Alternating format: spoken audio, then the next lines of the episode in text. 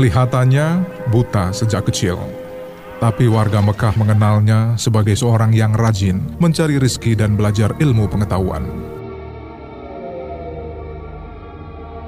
Meskipun ia seorang tunanetra, namun semangatnya bergelora untuk belajar dan mengetahui segala yang didengarnya.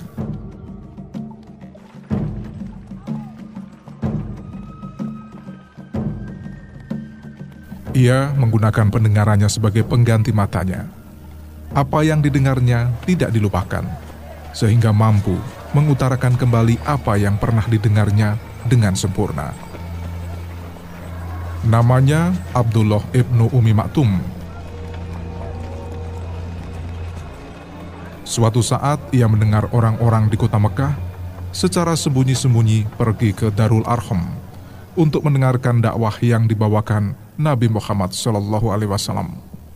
Ia merasa di Mekah telah terjadi pergolakan dan perang urat saraf mulai tampak ke permukaan.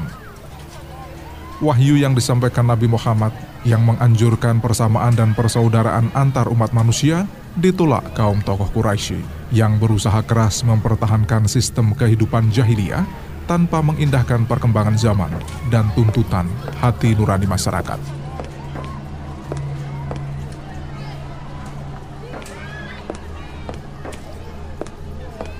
Ibnu Umi Maktum memutuskan untuk pergi sendiri ke majelis Ibnul Arham untuk mendengarkan dan meyakini berita yang sedang ramai diberbincangkan orang. Ia mengambil tongkatnya dan mengayunkan langkahnya menuju ke sana. Ternyata apa yang didengarnya lebih hebat dari apa yang diberitakan orang. Bismillahirrahmanirrahim. Li'ilafi Quraisy إيلافهم رحلة الشتاء والصيف فليعبدوا رب هذا البيت الذي أطعمهم من جوع وآمنهم من خوف Suara yang didengar berhasil membuka pintu hatinya dan menimbulkan rasa ketenangan serta kedamaian dalam kalbunya.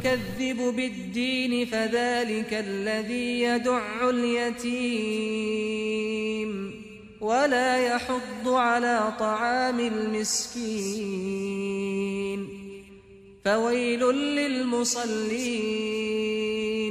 الذين هم عن صلاتهم ساهون الذين هم يراءون ويمنعون الماعون Saat itu, ia tidak takut dan gentar terhadap kekuatan seluruh bumi.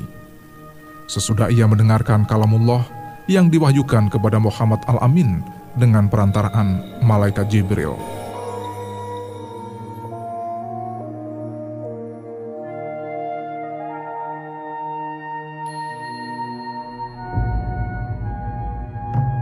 Ibnu Umi Maktum lalu mengulurkan tangannya kepada Rasulullah Shallallahu Alaihi Wasallam dan menyatakan keislamannya, keluar dari lingkungan jahiliyah dan masuk ke dalam barisan kaum beriman, menyatakan janji kepada Allah Ta'ala dan Rasulnya.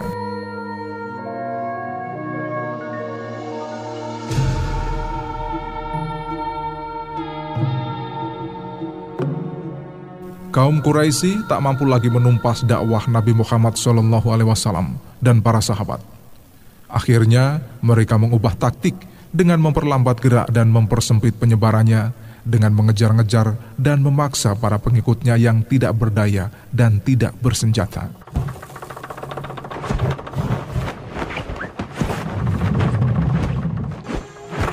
Akhirnya, Rasulullah Shallallahu Alaihi Wasallam memberikan izin kepada para pengikutnya pergi berhijrah.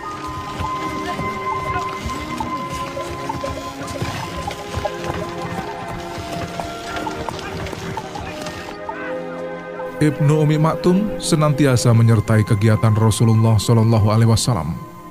Ia aktif dalam pembangunan masjid, tak pernah absen dalam mengikuti pelajaran yang diberikan, selalu sholat berjamaah di belakang beliau, dan hampir tidak ada ayat yang turun di Madinah yang tidak diketahuinya. Ibnu Umi Maktum pernah tinggal di rumah seorang wanita Yahudi, Bibi seorang Ansor. Wanita itu baik budi dan selalu melayani makan minumnya. Tapi mulutnya tidak pernah diam menyerang orang-orang yang paling dicintai Ibnu Umi Maktum. Beliau akhirnya tidak sabar mendengar ejekan dan cercaan itu. Beberapa kali Ibnu Umi Maktum menegurnya. Tapi ternyata teguran dan peringatannya tak pernah diindahkan. Suatu saat terpaksa ia memukulnya. Ternyata pukulan itu mematikan. Hal itu lalu dilaporkan kepada Rasulullah Shallallahu Alaihi Wasallam. Sesudah berhadapan dengan Rasulullah Shallallahu Alaihi Wasallam, Ibnu Umi Maktum ditanya, "Mengapa kau bertindak demikian?" Wahai Rasulullah, sungguh ia seorang yang baik budi terhadap diriku. Namun ia senantiasa mencela dan mencerca Allah serta Rasulnya, maka terpaksa aku memukulnya untuk menghentikan perbuatannya. Namun kiranya ajalnya sudah sampai. Lalu Nabi berkata, Allah telah menjauhkannya dan ia telah membatalkan darahnya. Rasulullah Shallallahu Alaihi Wasallam sering mengangkat Ibnu Umi Maktum sebagai wakil bila beliau keluar meninggalkan Madinah untuk berperang. Umpamanya ketika pergi menyerang kabilah Banu Sulaim dan kabilah Khofatan. Begitu pula ketika Rasulullah pergi berperang ke Uhud, Hamra al-Ashad, Bani Anadir, Khandak, Bani Lahyan, Al-Khobah, dan Umroh Al-Hudaybiyah.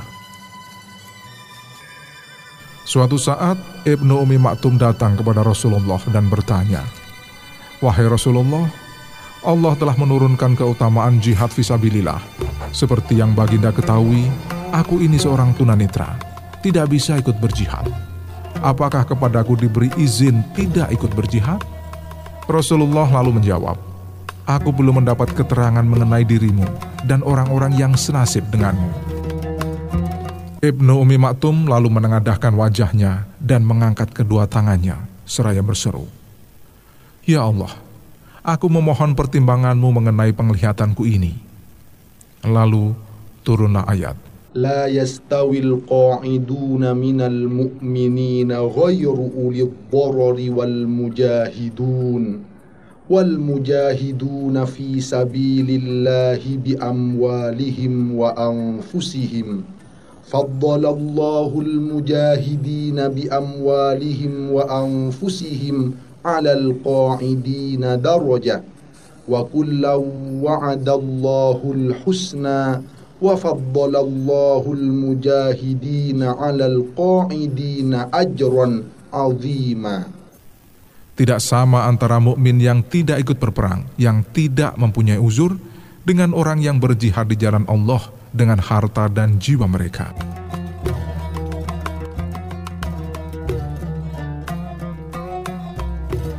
Izin sudah ia peroleh dari Allah Ta'ala. Apakah ia memanfaatkan izin itu? Nyatanya, Ibnu Umi Maktum tetap mengikuti pasukan Islam menuju ke Al-Khosidiyah. Beliau ingin memperoleh ganjaran sebagai seorang mujahid. Ia memohon kepada komandan perang, Hei kekasih Allah, Hai sahabat Muhammad Sallallahu Alaihi Wasallam, wahai pahlawan perang, serahkan bendera perang itu kepadaku. Aku seorang tunanetra, tak mungkin bisa lari. Nanti, jika perang terjadi, tempatkanlah aku di antara kedua pasukan yang berperang.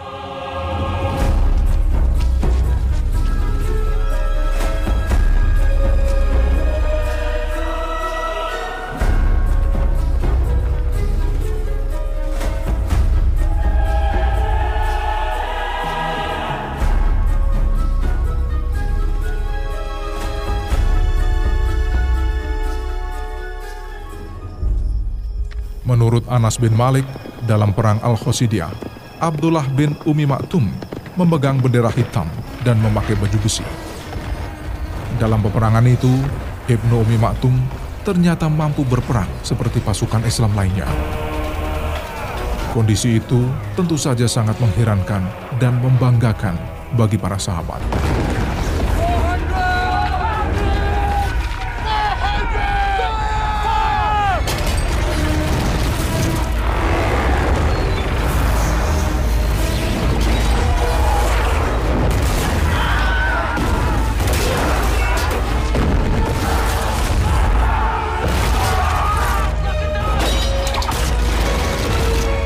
Ketika perang usai, Ibnu Umi Maktum kembali ke Madinah. Ternyata saat kembali itulah beliau wafat.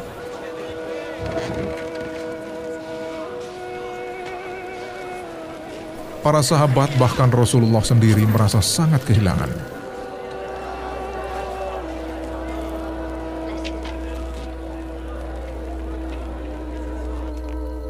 Ibnu Umi Maktum, seorang tunanetra, tapi tajam mata hatinya.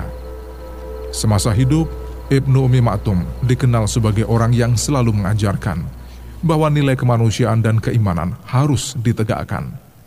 Hak asasi manusia, persamaan dan keadilan juga harus dijamin dan direalisasikan dalam sebuah pemerintahan.